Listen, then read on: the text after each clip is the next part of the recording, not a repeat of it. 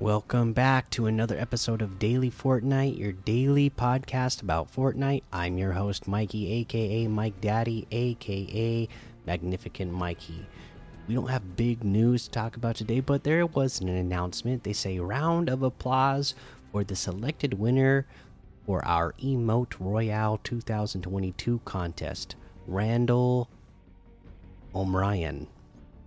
The check the map emote will be making an appearance very soon. So, uh, can't wait to see that uh, and see what this emote looks like. I don't actually know what it looks like. Uh, they don't have a preview for it. They have like one of the silhouettes of a default character, you know, like like you would see in the locker. You know, they have the little, uh, you know, yeah, the little symbol for it, but uh, they don't actually show it. And I uh, don't know where this emote was made on what piece of social media, so uh, I have not actually seen it. Uh, but can't wait to see it when it's actually in the item shop. Uh, and that's the news for today. Let's head on over to the LTMs. And we got things like Valhalla, Legends Landing was something you could have been doing this weekend. Uh, this weekend to watch FNCS. Got the Flex Power Death Run 3.0, Chick Pop, Winterfest City Gun Game, Five Nights at Freddy's Death Run, uh, Cosmophobia, Zombie Night, Go Goated Zone Wars, The Pit Free for All, Tilted Zone Wars, Blake's Red versus Blue Arena, Ronaldo versus Messi, City of Steel open world exploration, Burning Grounds, and a whole lot more to be discovered in the Discover tab. Uh, let's see here.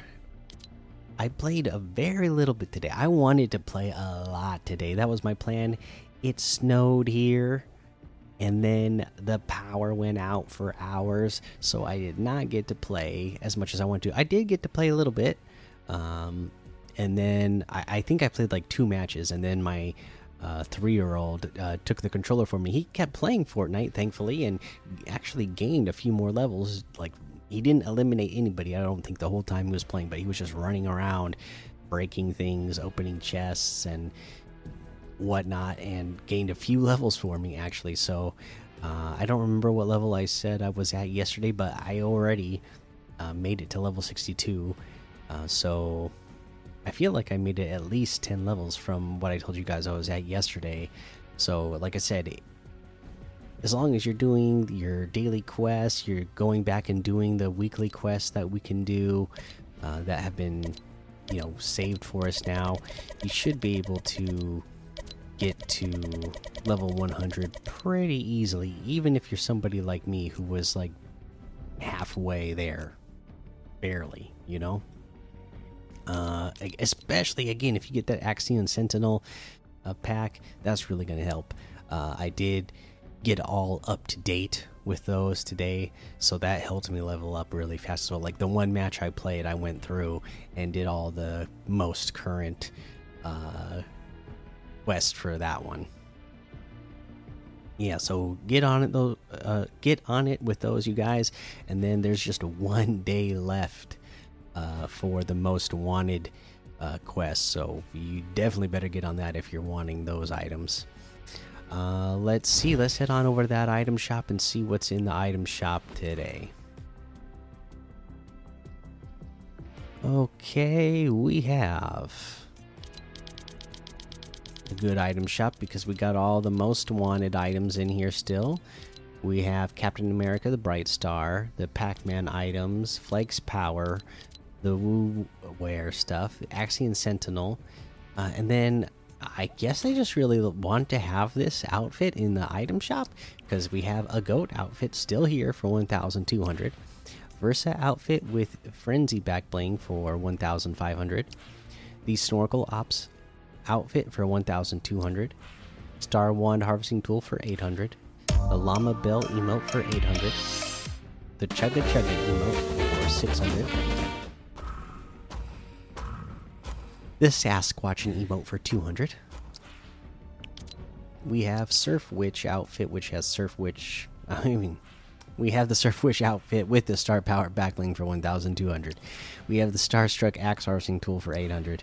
We have the Hasavat bundle, which has Hasavat outfit, Crafted Carrier backbling, Tree Splitter Harvesting Tool, Shadow Puppet Glider, all for 2,000, which is 1,200 off. The Hasavat outfit with crafted carrier back bling is 1,500. Shadow Puppet Glider is 1,200. The Tree Splitter Harvesting Tool is 500. Uh, let's see. We have the Grimoire outfit and a Hollow Skull back bling for 1,500. The Forsaken Strike Harvesting Tool for 800. The Toon Meowscles bundle, which has Toon Meowscles outfit, Tuna Can back bling, 10 ton Toon Bells harvesting tool, the drop in music, the fantastic cat loading screen, and that sass, that squash and stretch emote built in.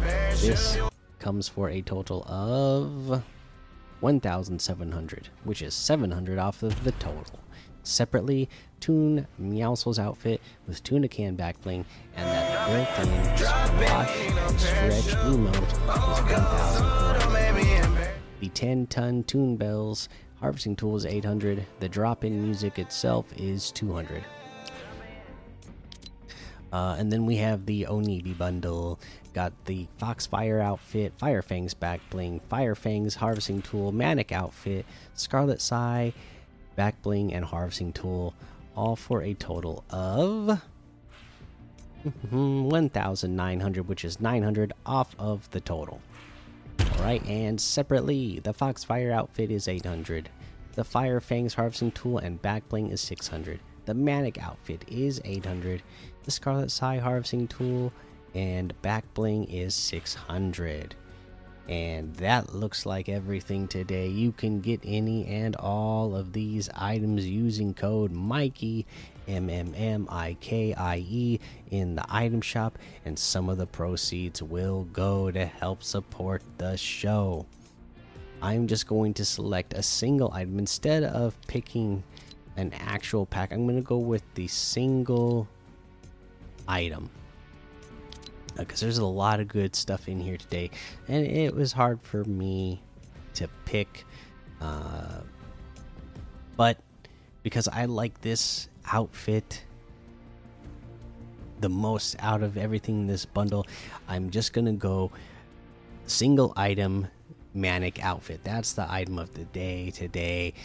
Uh, you know, big fan of this one, uh, and I love that it's got uh, the you know the punk, the no mask, and the Viridian manic styles.